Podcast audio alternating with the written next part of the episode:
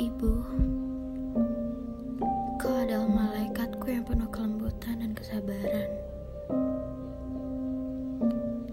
Karenamu aku hadir untuk indahnya dunia ini. Dan bisa melangkah dengan penuh semangat. Begitu besarnya kesabaran dan kasih sayang yang kau berikan untuk mendidikku. Dan tiada habisnya nasihat yang kau berikan.